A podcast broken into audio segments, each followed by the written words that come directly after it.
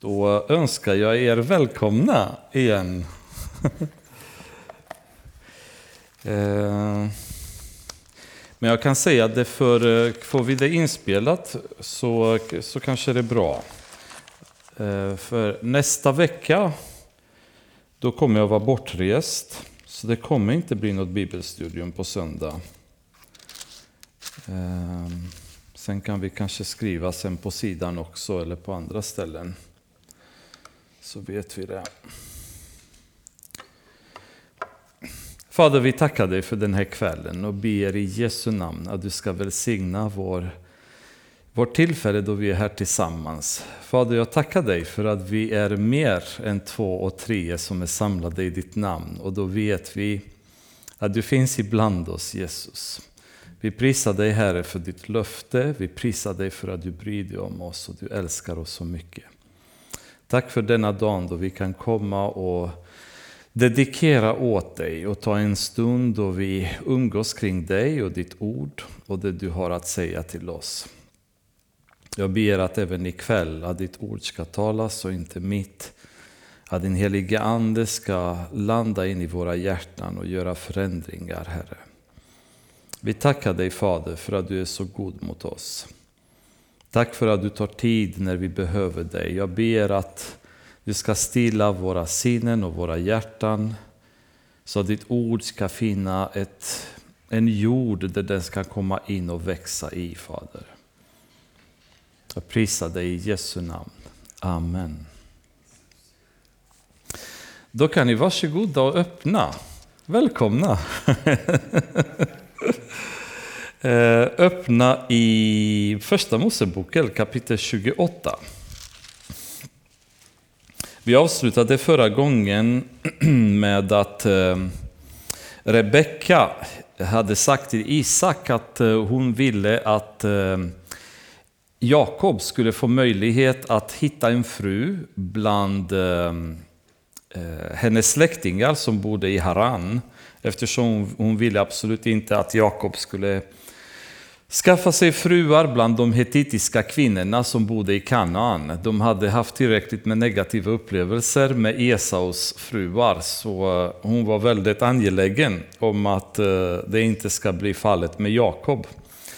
Och eh, kapitel 28 började med att då kallade Isak till sig Jakob och välsignade honom och sade till honom du ska inte ta någon av Kanans döttrar till hustru. Bryt upp och bege dig till Padan Aram, till din morfar Betuels hus. Ta dig en hustru därifrån, någon av döttrarna, till din morbror Laban.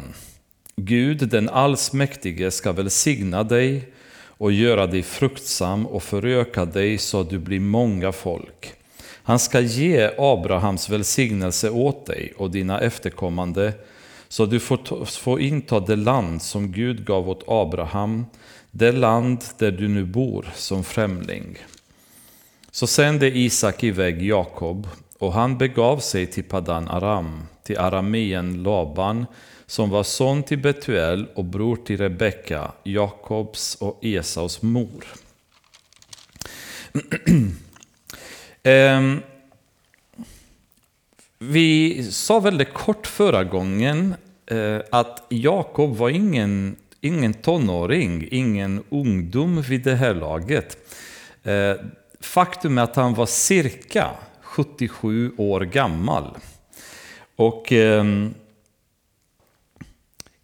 jag tänkte att vi kunde kolla lite närmare sen, men vi kanske kan lika gärna göra det från början, för det är ju lite invecklat hur man kommer fram till det faktum att han var 77 cirka då, eftersom det står inte tydligt. Men om man jobbar sig baklänges så kan man ju eh, komma fram till hur den här beräkningen gick till. Det är så att i första Moseboken kapitel 37 Ehm, vers 1 och 2. Då vet vi att Josef var 17 år när han såldes av sina bröder till Egypten. Sen eh, vet vi att det tog cirka 13 år för honom tills han tolkade faraos drömmar. Och i samband med det så blev han premiärminister i Egypten, det vill säga näste man efter farao. Vilket innebär att han var 30 år vid det laget. Sen vet vi att det följde sju år av välstånd i Egypten. Eh, vilket innebär att då var Josef 37 år efter de första sju åren. Och efter nästa period av svält, två år in i nästa period av svält, då kom Jakob och resterande familjedelen till Egypten. Då var Mose 39, eller förlåt, då var Josef 39 år gammal vid det laget. Och vi vet också att när Jakob kom till Egypten, då var han 130 år gammal. Sen när vi läser ehm, ehm, vidare så kan vi säga att om, om man tänker sig att när Jakob var 130 så kom han till Egypten, då var Josef 39 år gammal. Så 130 minus 39, det betyder att Jakob var cirka 91 år när Josef föddes. Och läser vi sedan i Första Mosebok kapitel 30, vers 25-26, då visar sig att Josef föddes i slutet på, av de den andra perioden av de sju år då Jakob var hos Laban och arbetade för honom, det vill säga Jakob hade varit hos Laban redan i 14 år och arbetat för honom ungefär när Josef föddes. Eh, och drar man bort de där 14 åren då så kommer man på att 91 minus 14, då måste Jakob ha varit cirka 77 år när han kom till Laban för första gången, det vill säga när han lämnade hemmet, sen om han var 76 och fyllde 77 sen, det är svårt att säga, men cirka 77 år gammal var han.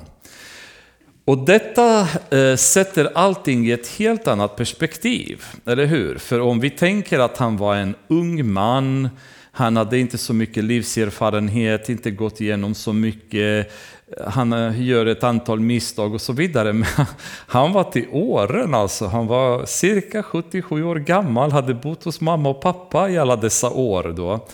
Ehm, och inte bara det, men hade levt i celibat i alla dessa 77 år. Han hade inte haft en fru. Så det, det är inte, inte helt lätt liv kan man väl säga, ehm, att, att gå så länge utan att ha en fru. Och de började eh, kanske mycket senare också än vi gör idag med att gifta sig. Men i det här läget så var han ändå Jakob en, mer än en ordentligt vuxen man när han lämnade hemmet. Eh, och det, det är ju också väldigt bra att tänka på därför att då förstår vi lite bättre att vissa begrepp, vissa koncept borde ha varit cementerade i hans liv i det här laget.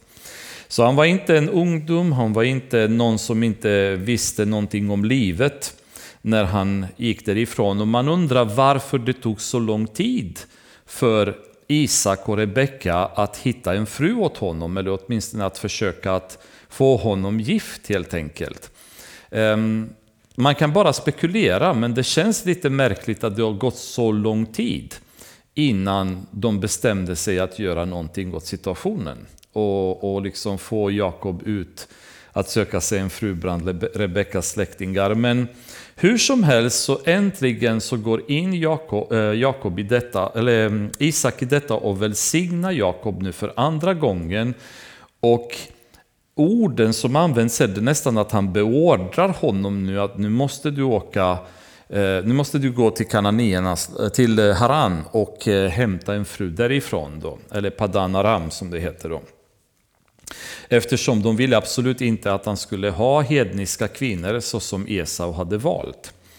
Och mm, i, I det här fallet så påminner jag, Isak honom att han kommer att få samma välsignelse som Abraham hade fått. Den välsignelse hade överförts till Isak och nu överförs välsignelse vidare till Jakob. Och eh, Isak försäkrar honom att du är den som kommer få den välsignelsen. Genom dig så kommer Abrahams löfte infrias. Då.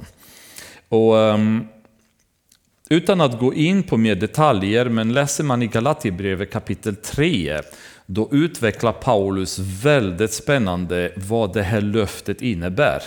Alltså balansen mellan Guds löfte och lagen och hur dessa samverkar med varandra.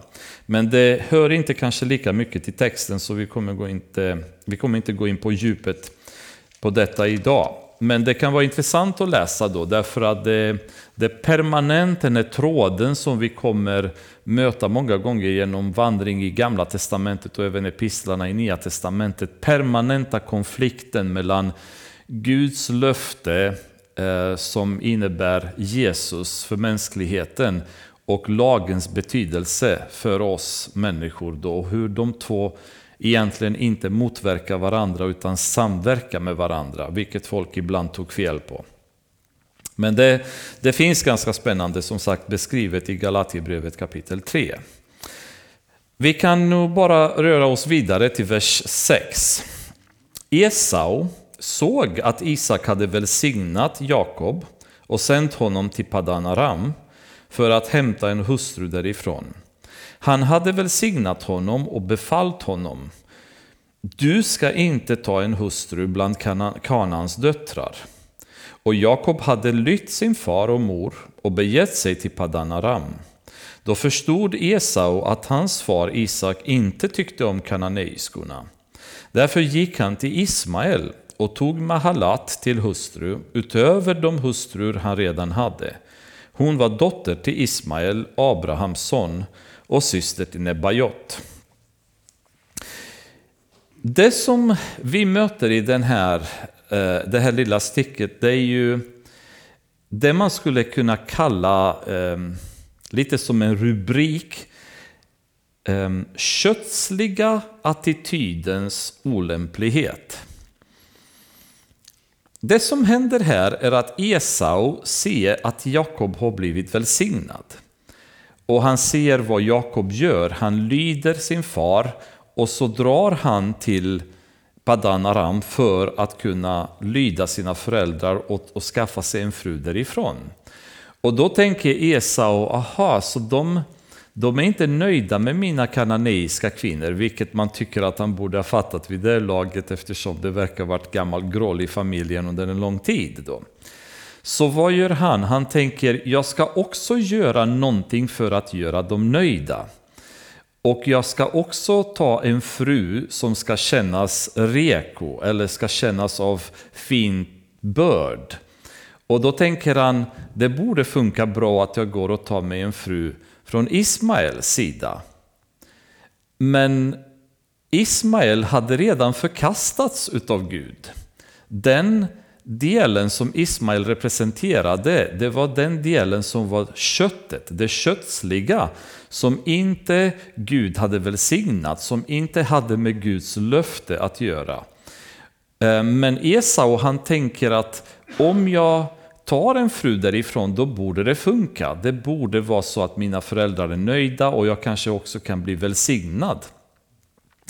Och det är ju, det är ju så tydligt sett att försöka genom kötsliga medel eller med mänskligt resonemang att lösa andliga problem.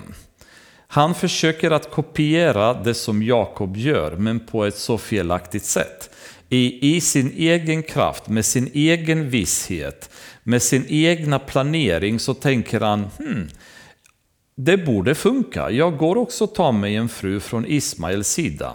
Men det funkar inte. Därför att det, det handlade för det första handlade det om den välsignelse som Gud hade lagt på Jakob. Det handlade om hans beteende och uppträdande gentemot eh, hans förstfödslorätt som han trampade på genom att visa brist på respekt för det som var hans förstfödslorätt och hans kötsliga inställning till livet i övrigt som återigen Hebreerbrevet anger lite mer i detalj för oss. Det är där skon klämmer. Men han ändrar inte sin livsstil. Han, livsstil. Han försöker inte att omvända sig. Han försöker inte att ångra sina synder. Utan han tänker, om jag ändrar det yttre, då borde det kanske ge resultat. Och det är det skulle man kunna kan man säga, kalla med nuvarande begrepp. Det är som att vara kristen men utan Kristus. I princip. Och det är vad väldigt många eh, kristna församlingar är idag. De är kristna men utan Kristus. De lever i kopierade former, de uppfyller ritualerna. Eller det de tror i alla fall är ritual som är korrekt. Eh, de har de rätta sångerna, de har de rätta uttrycken. Eh, de har den rätta inställningen, beteendet, men de saknar en relation med Kristus. Kristus är inte den som regerar i deras församling längre. De har glidit ifrån tron, de lever i köttet, de söker eh, att tillfredsställa Gud genom sina egna gärningar och inte genom att överlämna sig och omvända sig från synd. Och vi pratade väldigt många gånger just om detta, vikten av att i våra församlingar begreppet omvändelse måste återkomma.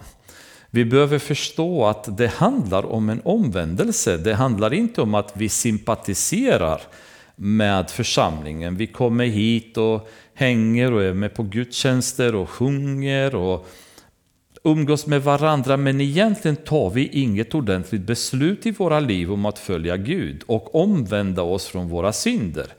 Utan helst så vill vi behålla den här foten i världen, vi vill kunna leva med våra eh, intressen, våra hobbyn, det som tillfredsställer vårt kött i olika former, men sen ha någon slags religiöst yttrande då som förhoppningsvis ska tillfredsställa Gud. Och då blir han nöjd att vi ändå kommer här, här till kyrkan någon gång. Vi stämplar in, stämplar ut när det är gudstjänster. Um, men sen allt annat i vårt liv är fortfarande oförändrat. Men vi tror att vi tillfredsställer Gud. Gud är nöjd med oss.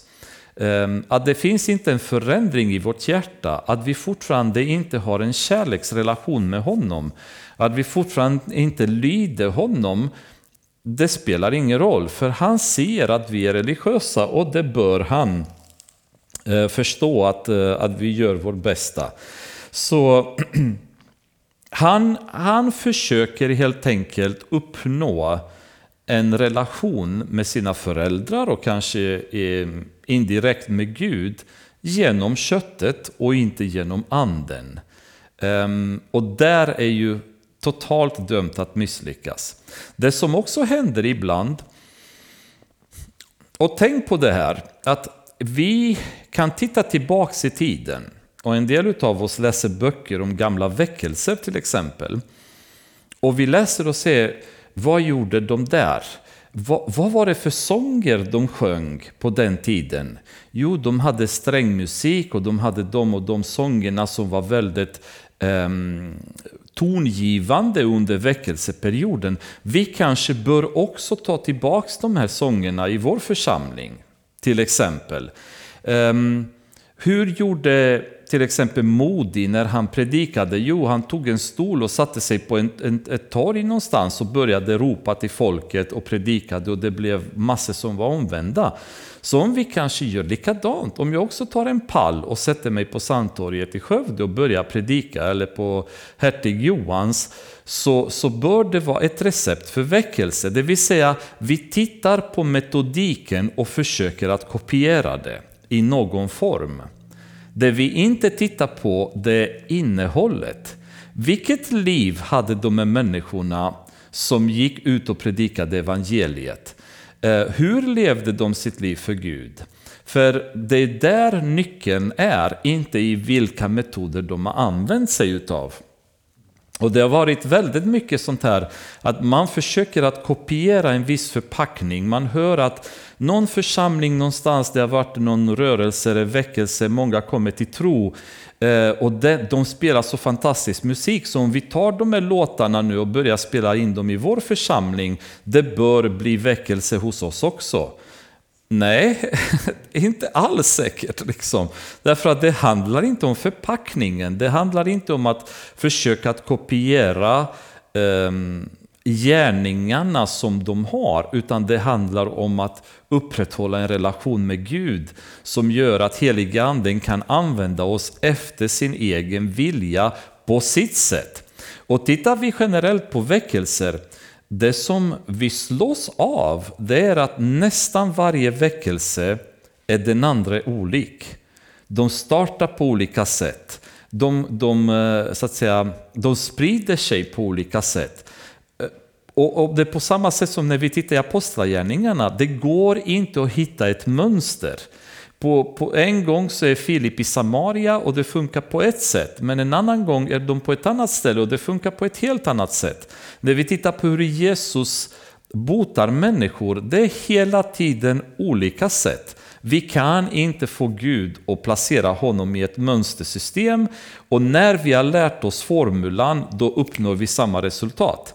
Därför att så vill inte Gud att vi ska fungera. Han vill inte att det ska gå i köttet, han vill att det ska gå i anden. Han vill göra det som han vill. Det enda vi behöver, vi behöver vara omvända. Hjärtat måste vara rent. Vi måste vara verktyg i hans händer som han kan använda efter hans behov. Då bestämmer han precis hur resultatet kommer bli. Men Esau ser vad som har hänt med Jakob. Han ser att han har blivit välsignad. Han ser att han, har, han var lydig. Han börjar, föräldrarna blir glada med honom för nu ska han till Padan Aram och, och hitta rätt fru och tänker jag vill också. Men han går i köttet. Han försöker att härma Jakob men misslyckas igen därför att i hans mänskliga resonemang så var det väldigt smart att gå till Ismael. Det är ju Abrahams son trots allt så det måste vara en fin tjej han kommer få, få där. Men lite visste han att Ismael var förkastad av Gud. Ismael var inte inkluderad i det löfte som Gud hade gett Abraham. Och, och därmed så är det fullständigt meningslöst um, försök att hitta en fru där för att kunna uh, tillfredsställa sina föräldrar eller få en situation i, i sitt liv som skulle vara bättre. Och um, Kristendom utan Kristus är ju jättemycket idag.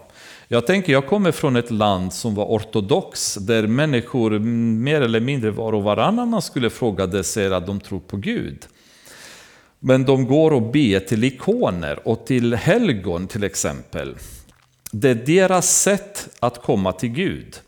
Inte genom Kristus, utan gå och be till heliga Maria och till helige Anton och alla möjliga namn som olika helgon har. Då och de kysser ikoner i kyrkor och, och de tror att om de gör vissa ritualer och de gör ett antal kors tre gånger på det sättet och böja sig eller eh, andra länder krypa på sina bara knän inför något altare, då upprätthåller de en relation med Gud på det sättet. Och allt är formalia. Allt är liksom mänskliga försök att ta sig till Gud som är resultatlösa.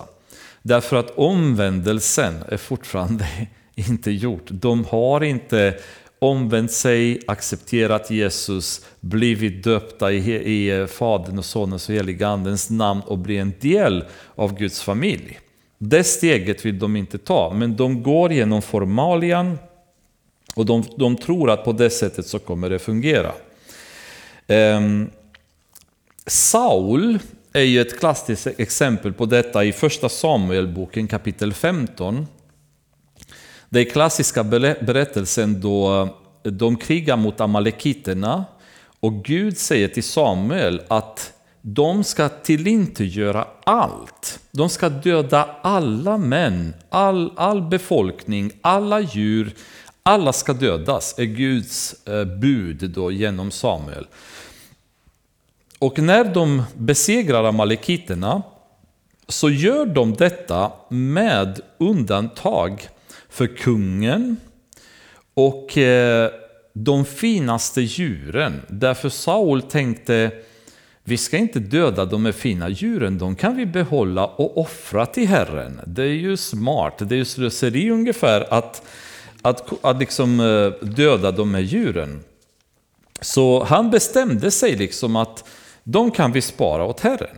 Och så kommer Samuel och så, så frågar han liksom, har du, har du gjort det du ska? Jajamän, ungefär svarar Saul. Och då säger Samuel, vad är allt det bräckandet jag hör där borta då? Ja, men det är de här djuren som vi har sparat och de ska vi offra till Herren. Och då blir Samuel upprörd och, och liksom förmedlar han till Saul och säger, lydnad är bättre än offer.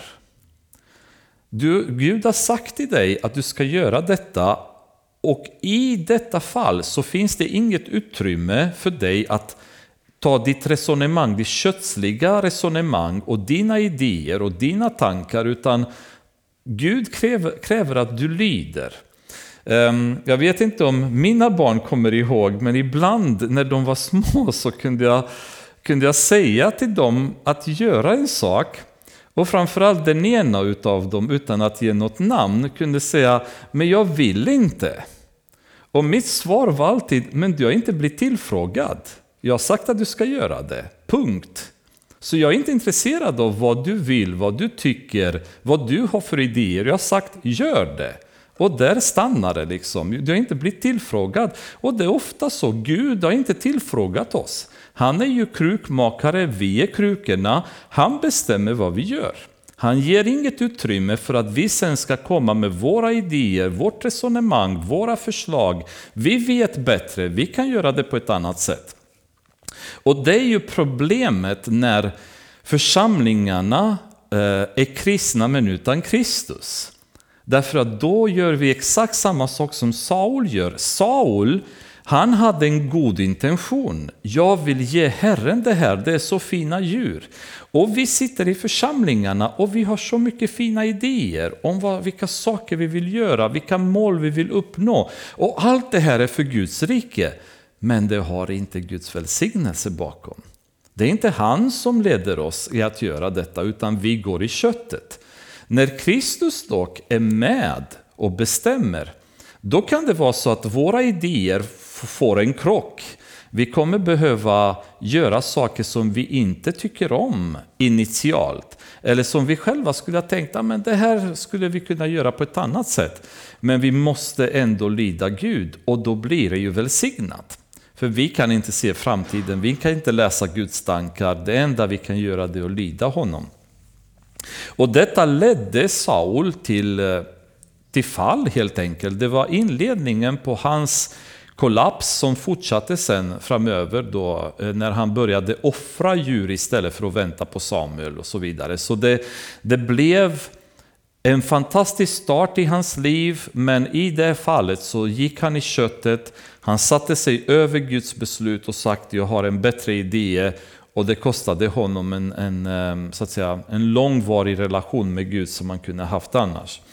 Och eh, det är samma sak med Esau, han väljer inte omvändelse utan han väljer att sätta sig över Gud och han bestämmer själv vad han tror kommer vara bra för han, hans relation med föräldrarna och kanske Gud indirekt.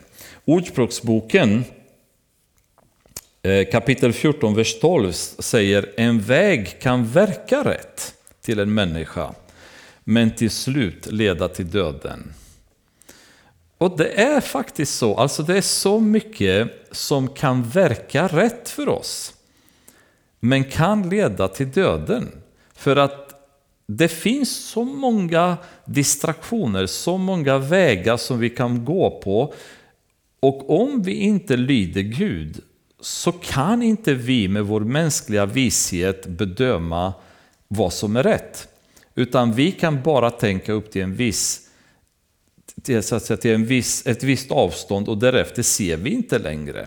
Medan Gud har en lång framtid. Han ser redan på Jakobs tid vad han vill göra flera tusen år senare genom Jesus och därför allting måste samverka för att Guds plan ska infrias och att kunna lägga sig emellan där och tro att du har en bättre idé som människa blir väldigt arrogant. Och ehm, eh, man kan väl säga att om man, om man skulle vilja längta efter något när det gäller församlingen, bland mycket annat, det är just det här att vi lägger av med kötsliga tänkandet och bara söker Gud. Han får vara herre över församlingen. Jesus får verkligen vara huvudet över församlingen och inte vi. Ehm, Ibland så, så kan vi säga spåna om vad vi vill göra, vad kan vara intressant, vilka verksamheter ska vi starta? Och då kan man ha, vi har på jobbet sådana vad vi kallar för brainstorming-perioder, när vi tänker hur ska vi planera utvecklingen, vad vi vill göra, hur vi vill nyttja marknaden etc. Och då sitter vi och bara kastar ut idéer och diskuterar och så. Och då tror vi att det här är ett sätt som vi ska arbeta i församlingen också, för det funkar i företagslivet. Men i församlingen funkar inte så. Vi kan inte stå där och bara spåna tankar och brainstormar. Utan det enda vi är intresserade i församlingen är, vad säger Gud? Vi kan inte bara säga, men jag skulle tycka det kan vara intressant och varför inte kan vi försöka det? Nej, frågan är, leder oss Gud in på detta eller inte? För om han inte leder oss, då lägger vi ner. Då är det ingen idé att vi försöker saker då. Eh, men känner vi att Gud leder mig till att ta ett steg, ja men då tar jag det steget. Jag kanske ser inte vad steg 2, 3, 4, 5 kommer vara, men jag ser att Gud leder mig till att ta steg 1 och då går jag i tron att Gud är med mig, han kommer leda och välsigna. Men den här brainstormningsinställningen som man har, det är liksom inte förenligt med, med församlingen, utan i församlingen söker man Jesus och söker man vishet från heliga anden och då följer man de beslut som heliga anden ger. Och då spelar det inte så mycket roll det här som permanenta problemet som vi har i kyrkor idag. Vi har så mycket idéer om vad vi vill göra, men sen sitter vi och tänker, ja, men vem ska göra det? Vi vill ha en kör, det vore så fantastiskt, men vem ska dirigera den kören? Mm, ja, det faller på det. Vi har ingen som kan dirigera. Det vore så härligt att ha en orkester i församlingen. Ja, men det är så svårt att få folk att komma till övningar. Ja, det vore fantastiskt. Och det liksom, vi, vi vill ha så mycket, men, bara, men med vem ska vi göra det? Det här problemet försvinner när vi istället vänder om och säger, vad säger Jesus att jag ska göra? Om jag känner att Jesus leder mig till att sjunga i en kör eller dirigera en orkester eller vad som helst, då är det bara att göra det. Då behöver inte, inte jag sitta där och tänka, men, ah, men Jesus säger att jag ska vara dirigent, men jag tycker det är lite tråkigt att det är bara tre som kommer och sjunger.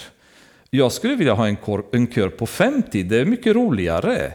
Och nej, då struntar jag i det här, för jag tycker det inte är roligt. Nej, utan har Jesus sagt att jag ska vara dirigent, ja men då tar jag de här två eller tre som vill sjunga och vi börjar jobba tillsammans och göra det därför att då vet vi att Gud leder.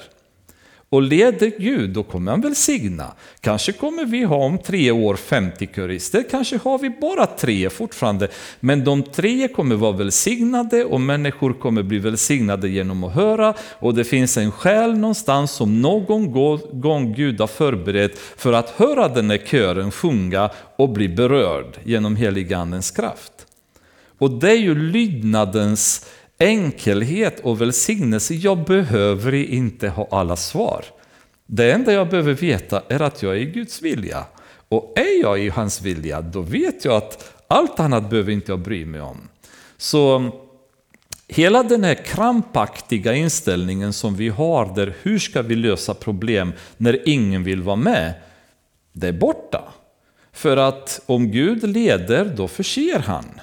Eh, om Gud inte förser, då leder han inte. Då, då lägger vi ner det. liksom. Då söker vi honom och säger, vad vill du att vi ska göra? Och det är ju den här, den kötsliga, kötsliga inställningen som vi behöver få bort ur våra liv för att kunna öka vårt beroende av Gud. För att på det sättet kan vi inte ta åt oss äran heller, utan vi är ju tvungna alltid att ge Gud ära. När jag står med tre kurister, Tre stackare som vecka efter vecka kämpar och kommer hit och gör sitt bästa och någon kanske är lite halvt tondöv men han har glädje och entusiasm och de andra två gör så gott de kan fast de är inga supersångare som jag kanske hade föreställt mig att jag hade velat haft. Och jag kämpar med de här tre men finner glädjen och finner eh, Guds välsignelse i det. Det är ju helt fantastiskt. Och när de är tre kören på tre personer kommer sjunga på ett möte och folk kommer bli rörda av heliga ande och säga det var så underbart, då vet jag att jag inte kan ta åt mig äran. För det går inte att ta åt sig äran i ett sånt läge. Där mänskligt sett så ska det inte funka. Liksom. Det går bara inte. Det är ingen som kommer vara intresserad att lyssna på en sån kör.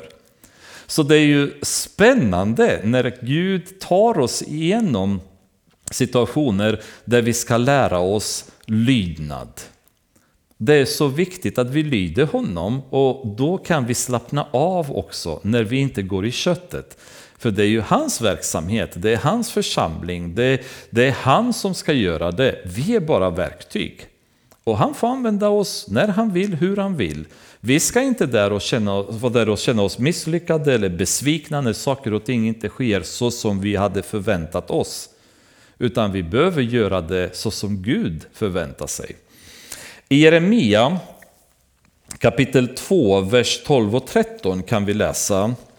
Och ni som har varit med i Jeremia när vi gick, ni kanske kommer ihåg den här delen. Det pratade vi ganska mycket om där då.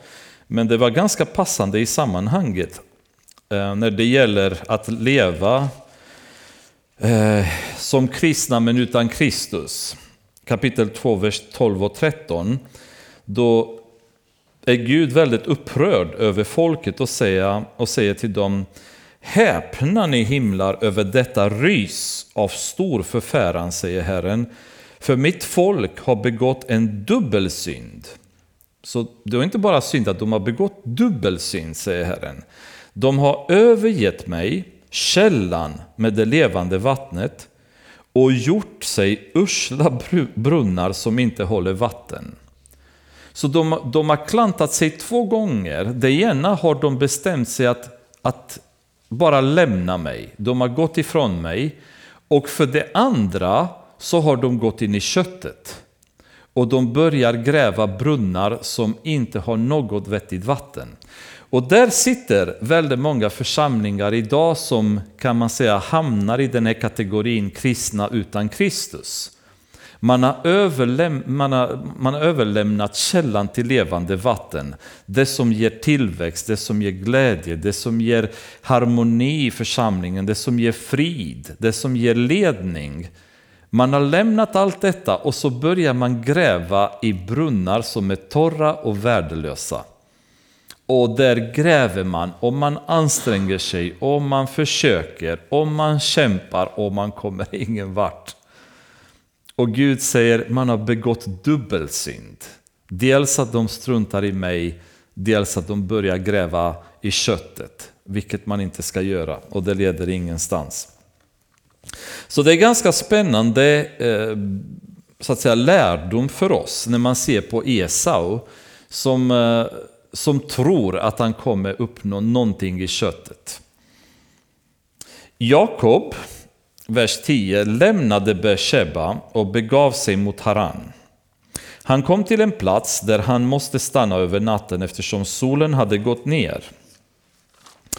Och han tog en av stenarna på platsen för att ha under huvudet och lade sig att sova. Då hade han en dröm. Han såg en stege rest på jorden. Den nådde ända upp till himlen och Guds änglar steg upp och ner på den. Och se, Herren stod ovanför den och sade, Jag är Herren, din far Abrahams Gud och Isaks Gud. Det land där du ligger ska jag ge åt dig och dina efterkommande. Din avkomma ska bli som stoftet på jorden och du ska utbreda dig åt väster och öster, norr och söder. Genom dig och din avkomma ska jordens alla släkten bli välsignade. Och se, jag är med dig och ska bevara dig vart du än går. Jag ska föra dig tillbaka till detta land. Jag ska inte överge dig förrän jag har gjort vad jag har lovat dig. Ganska så häftig upplevelse. Eh, stället vi kommer se senare som eh, Jakob landa på kommer heta Betel. Och eh, det här stället finns ju fortfarande i Israel idag. Ett ganska kargt, ökenlikt område. Um, idag tror jag det heter Beitel, om jag inte har fel. Ehm, så han, han vandrar så att säga, en bra bit från Beersheba. Kommer, det här är cirka 17 kilometer från Jerusalem. Eh, så han, han där för natten och bara lägger sig ut i öknen på en sten och har den här drömmen där han ser en stege med änglar som går upp och ner. Och Gud talar till honom i drömmen och bekräftar nu för honom direkt att han är Abrahams och Isaks Gud och det löfte som han har gett dem kommer nu ges till honom också. Och det är första gången som vi har den här direkta dialogen mellan Gud och Jakob. När han får höra Gud tala om för honom att du är den som löftet kommer infrias genom. Genom dig så kommer ett stort folk komma. Du kommer att komma tillbaka till ditt land. Jag kommer vara med dig och beskydda dig. Så ganska så, så tröstande ord. Och vid det laget så kan vi föreställa oss att Jakob var lite skakad efter alla händelser hemma. Hotet att Esau skulle döda honom. Han behöver lämna hemmet för första gången. Han som var en man som hängde i tälten med kvinnorna. Han var ingen äventyrare, ingen stor jägare som Esau var. Men nu är han på egen hand alldeles själv ute i den här långa resan som var vad kan det varit, sa vi, 100 mil ungefär mellan Beersheba och Haran. Så man behöver genomföra allting själv, gå i det okända. Så det var en, en skakig tid i hans liv helt enkelt. Men mitt i denna situation så kommer Gud och ger honom det här villkorslösa löftet igen förbundet som han hade gjort med Abraham är bekräftat nu att det här kommer infrias genom dig. Och det är inte villkorat förbund, utan Gud kommer bara säga jag kommer göra detta med dig. Jämfört med andra förbund som Gud har villkorat, i det här fallet så är det inga villkor, utan Gud bara säger det här lovar jag att jag kommer göra. Eh, samma situation med en trappa eh, som änglar ska gå upp och ner på beskrivs av Jesus i första Johannes, eh, nej, i Johannes evangeliet i kapitel 1, vers 43-51. Och vi ska inte läsa den när Natanael kommer och ehm, Filippus hämtar Natanael till Jesus och Natanael säger kan något gott komma ur Nasaret? Då säger Jesus att här kommer en israelit i vilken inte finns någon um, hyckleri, tror jag var ordet. Um, eller svek, som inte är svekfull, tror jag var det. Och, eh, och då sa, då sa Natanael till honom, men hur, hur känner du mig? Och Jesus säger, jag såg dig när du låg under fikonträdet innan Filippus hämtade dig. Och då blir Natanael väldigt förvånad och då säger Jesus, det här är ungefär ingenting, ni kommer att se änglar gå upp och ner över Människosonen. Samma beskrivning som vi har här, änglar som går upp och ner från himlen till det stället, men i det fallet så säger Jesus, de kommer att gå över Människosonen. Och det, det är intressant jämförelse då och referens med tanke på Jakobs löfte och Messias och så vidare. Och man skulle kunna gå djupare på det, men vi, vi, kan, vi låter det bara vara här så länge. Men det är intressant att det kommer samma bild senare som Jesus förmedlar till Natanael. Men det jag vill stanna kring här, det är ju det här stället som Jakob landar på Betel. Det är ju ganska stenigt, ökenlik, inget glamoröst ställe på något sätt. Han är trött, han är missmodig, han lägger sig, men i drömmen så ser han ett spännande, eh, en spännande bild. Då. När han vaknar ur drömmen, då, vers 16, när, han, när Jakob vaknade upp ur sömnen sade han Herren är verkligen på denna plats och jag visste det inte. Och det här tyckte jag var väldigt spännande. Jag visste det inte. när, när, vi, när det blir tufft i väldigt många människors liv, på, på olika sätt, det kan vara svåra sjukdomstider, det kan vara stora sorgeperioder, det kan vara eh, motgångar i allmänhet, det kan vara dåliga relationer, det kan vara Ehm, strul med ehm, familj, med barn hemma och så vidare, föräldrar för den delen. Det kan bli väldigt svåra tider och det är inte sällan vid sådana tillfällen då människor har svårt att se Gud. Många till och med ifrågasätter hur kan Gud låta detta ske? Många har lämnat församlingar genom åren därför att de har blivit besvikna på Gud. Att det inte gått så som de hade hoppats.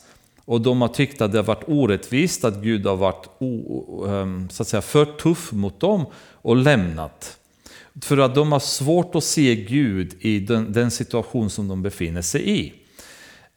Också ett annat problem är, är att synden har en förmåga att göra oss okänsliga för Guds närvaro. Jakob hade begått en ganska så ful synd eh, genom att bedra sin far, bedra sin bror. Eh, hans inställning av Jakob, som vi pratade tidigare, lite bedragare, lite lurendrejare och så vidare, var kanske någonting som tydligt karaktäriserade hans liv. Och det sättet han levde har också en förmåga att, att få honom att ha svårare att se Guds närvaro runt omkring sig. Och det är ju samma även för oss, alltså när vi lever i syn så har vi svårigheter att höra Guds röst. Och speciellt om man har levt nära Gud ett tag och är van vid att höra Guds röst är väldigt skrämmande när plötsligt rösten tystnar. Det är väldigt, väldigt svårt för en kristen när man inte hör Guds röst. För då blir man förvirrad, då blir man agiterad, då blir man orolig. För man är van vid att höra den här rösten. Man har levt med Gud, man är van vid att höra hans ledning. Och Psalmerna, det är ju ett, ett, bevis på detta när, när David så många gånger ropar just kring detta att han vill höra Gud. Han vill leva med Guds ledning i hans liv. Då. Men stundtals så upplever han att det är tyst. Och det är ju oftast Guds närvaro är skymd utav synd i våra liv. Jakob säger eh, Herren är verkligen på denna plats. Alltså Gud var där hela tiden. Ingenting har förändrats sedan kvällen innan. Det är samma plats, samma öken, samma karga område. Men plötsligt dagen efter så vaknar Jakob och säger ah, Herren är här. Och Herren var där hela tiden. Herren har varit med honom hela vägen. Herren har varit med honom redan hemma. Det är bara att han inte hade haft en aning om det. Därför att han har inte hört Guds röst, hans synd, hans eh, liv har inte medvetande gjort honom för att Herren var där. Och vi pratade tidigare just i, i andra bibelstudier som jag refererar om alla röster som vi hör runt omkring oss eh, eh medan vi sitter här. Liksom.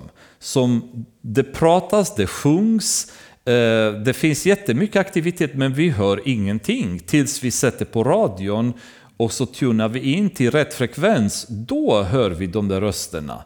Då har vi liksom musiken, då har vi talen, då har vi allt det här. Men allt det här finns ju permanent runt omkring oss, men våra öron är inte, har inte förmågan att höra det. Och det är på samma sätt med Gud. Alltså Gud finns permanent med oss. Speciellt med oss kristna har han sagt att han kommer aldrig överge oss. Eh, Jesus har lovat det eh, åtskilliga gånger.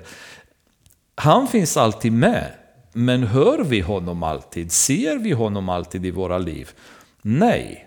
Och många gånger beror detta på att synd har krupit in i våra liv och synden omöjliggör eh, förmågan som vi har att höra Guds röst, att se hans närvaro i våra liv.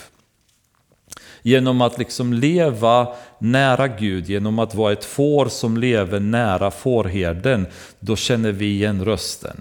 Då kan vi hela tiden veta att det är Gud som pratar.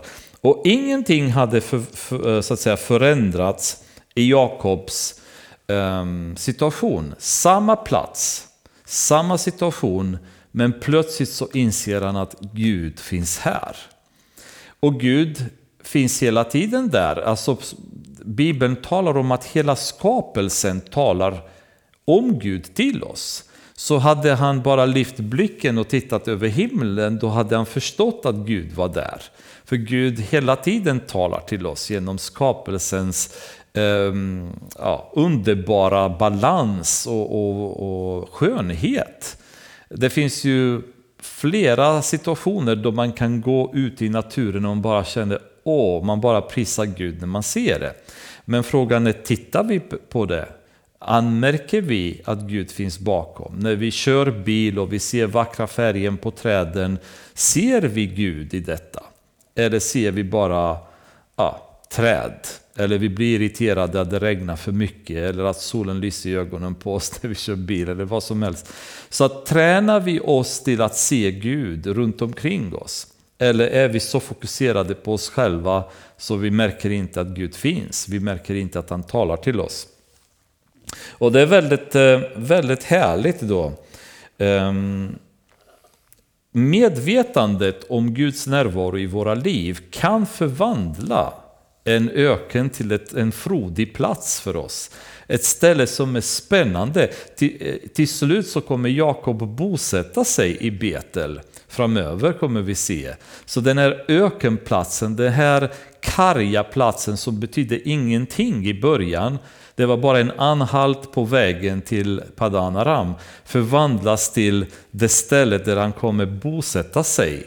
Därför att det var så underbart Gud liksom mötes där på den här platsen.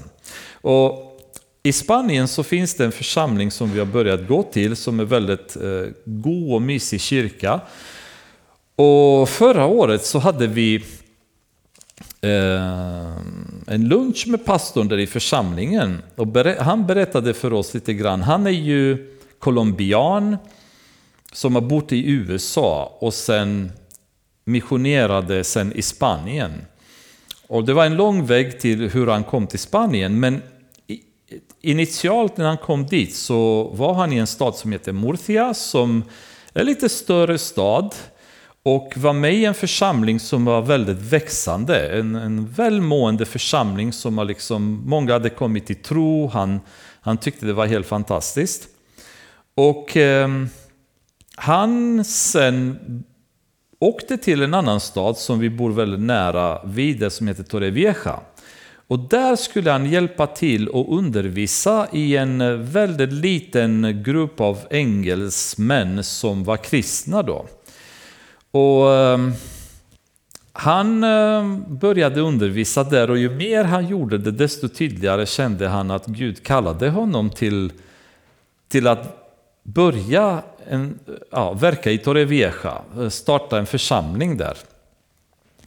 Och, ehm, men till saken hörde att Torrevieja var en stad som han starkt ogillade. En, med, med Murcia mått mätt så upplevde han att Torrevieja var en ganska så smutsig stad och inte så jättefin. Så han tyckte inte om det. Hans döttrar de började störtgråta när de hörde att de skulle kanske flytta till Torrevieja. Så det var liksom ingen, ingen i familjen var glad över det. Men han kände ändå starkt att det var Guds ledning.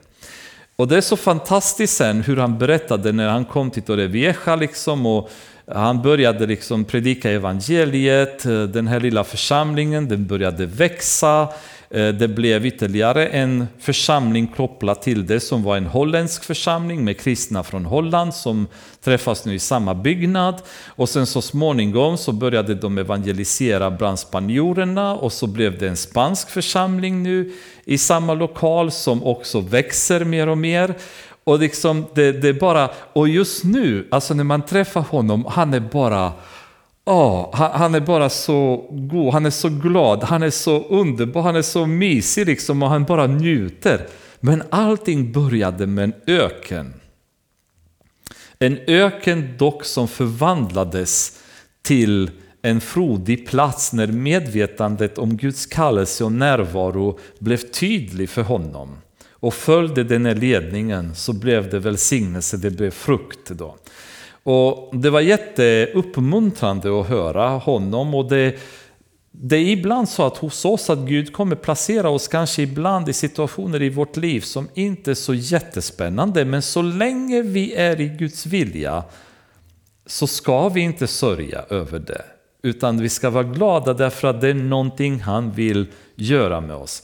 Eh, jag läste om Richard Wurmbrand, en rumän som var länge i fängelse under kommunisttiden. Han satt tror jag i 17 år, 14 eller 17, jag kommer inte exakt ihåg hur mycket.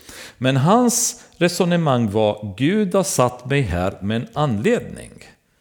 Hade han velat att jag inte hade varit i fängelse, hade varit någon annanstans, nu är jag i fängelset. Det betyder att han har en plan. Så istället för att han ska sitta och oja sig och tycka synd om sig själv att han var i fängelset, så istället så började han fokusera, Gud vad vill du att jag gör här i fängelset? Och så började han evangelisera, prata med de andra fångarna, många kom till tron och så vidare. Och det var liksom Guds plan för honom. Att under ett antal år så skulle han vara i fängelse och verka där. Så det kan vara så att det är lite ökenaktigt, det kan vara så att det inte inte är så spännande som vi hade hoppats på, men medvetandet om Guds närvaro, det blir liksom, det ger oss glädje, det ger oss balans. Jakob greps av fruktan och sade, hur helig är inte denna plats? Det måste vara Guds boning här. Här är himlens port. Egentligen Guds boning överallt. Gud finns överallt. Jona insåg detta när han försökte att fly från Gud och då valde han så långt bort han kunde tänka sig att fly, för där kunde inte Gud vara, för att sen inse att du kan inte fly från Gud. Han finns överallt. Men det glömmer vi också ibland, eller hur? Är det inte så att när vi är hemma i den miljön vi lever i så uppträder vi på ett sätt. Men när vi kommer till en miljö där ingen känner oss, där ingen vet vilka vi är, är det inte så ibland att vi släpper ner gardet och vi tillåter oss själva kanske att göra saker som inte vi gör här hemma? Tänk på det. Är vi på samma sätt, är vi lika medvetna att vare sig jag är i Stöpen eller jag är i Stockholm eller någon annanstans, Gud är med mig även där. Han ser mig, han följer mig, hans änglar är med mig, de är vittnen till allting jag gör. Tänker jag på detta så kommer mitt uppträdande vara lite annorlunda kanske. Tidigt på morgonen steg Jakob upp och han tog stenen som han hade vilat sig emot och reste den till en stod och hällde olja över den.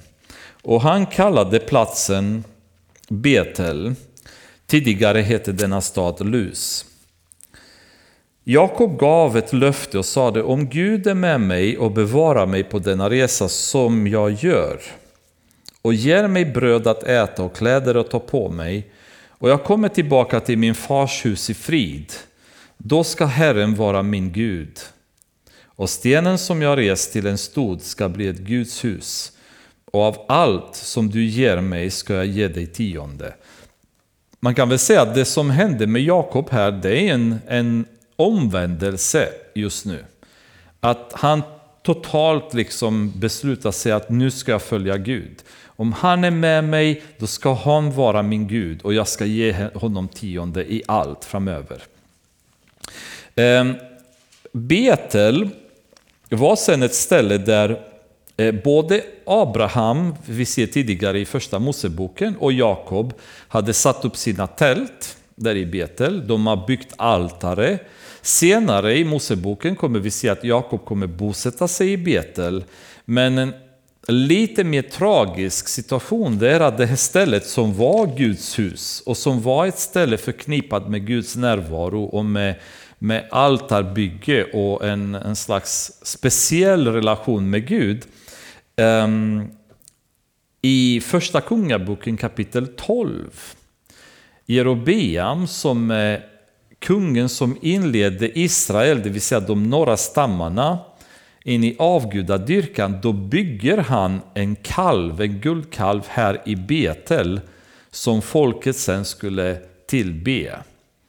Och det är så groteskt att det här stället som hade varit en så viktigt ställe för Jakob, eh, för Abraham också, eh, även i domarboken i kapitel 20, i kapitel 20 så ser vi att tabernaklet eh, hade de placerat i Betel också. Så det var en, lite grann av en helig plats för, för folket. Då hade det förvandlats till avgudadyrkaställe under Jerobeams tid när guldkalven var där som folket åkte upp för att tillbe.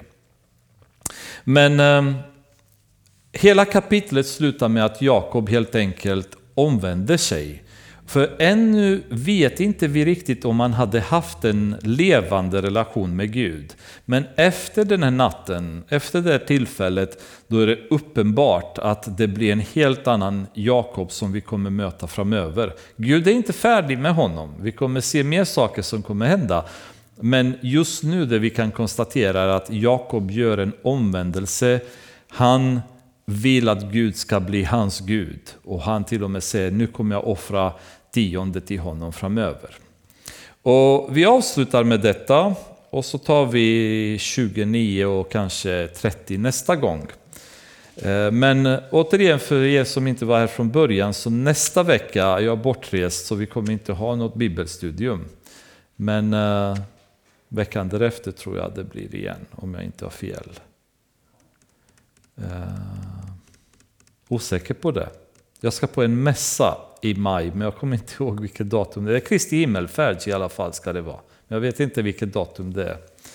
Det är bara min fru som har koll på datum, det har inte jag. Fader, vi tackar dig för alla som har varit här ikväll och kommit för att lyssna till ditt ord. Fader, jag bara ber att du ska välsigna dem i Jesu namn. Välsigna dem med mycket styrka. Välsigna dem med en stor dos av din heliga Ande i deras liv, Fader till överflöd. Så det bubblar över Fader och det räcker till andra att kunna ta del av honom och hans styrka och kraft och vishet. Fader, jag ber att du ska döda alla försök i våra liv att genom kötsliga medel att kunna uppnå en relation med dig, Herre. Att tillfredsställa dig eller uppfylla din vilja. Jag ber att du ska krossa allt som är kötsligt hos oss och ersätta det av din heliga Ande, Herre. Vi längtar så efter att din heliga Ande ska verka på riktigt i våra liv. Fader, jag ber att du ska se oss värdiga att kunna användas av dig. Att kunna vara verktyg som du med glädje kan använda. Låt oss vara ödmjuka, Herre, och i allt ge dig tacksamhet och ära. Fader, jag tackar dig för motgångar och jag tackar dig för framgångar. Därför att allting som kommer från dig är gott. Tack för den kärlek du har. Tack för att du älskar oss så mycket och att du har adopterat oss som dina barn i din stora familj, Herre. Låt våra tankar vara fokuserade på framtiden med dig, Herre, på himlen. Så att vi i stunder av sorg eller oro tuffa perioder i våra liv, att vi har tankarna om himlen, Herre, som driver oss. Att vi förstår att det här livet är bara kort, passerar väldigt snabbt. Det är som ett grässtrå som kommer upp och vissnar snabbt. Men evigheten med dig, Herre, det är det vi ser fram emot.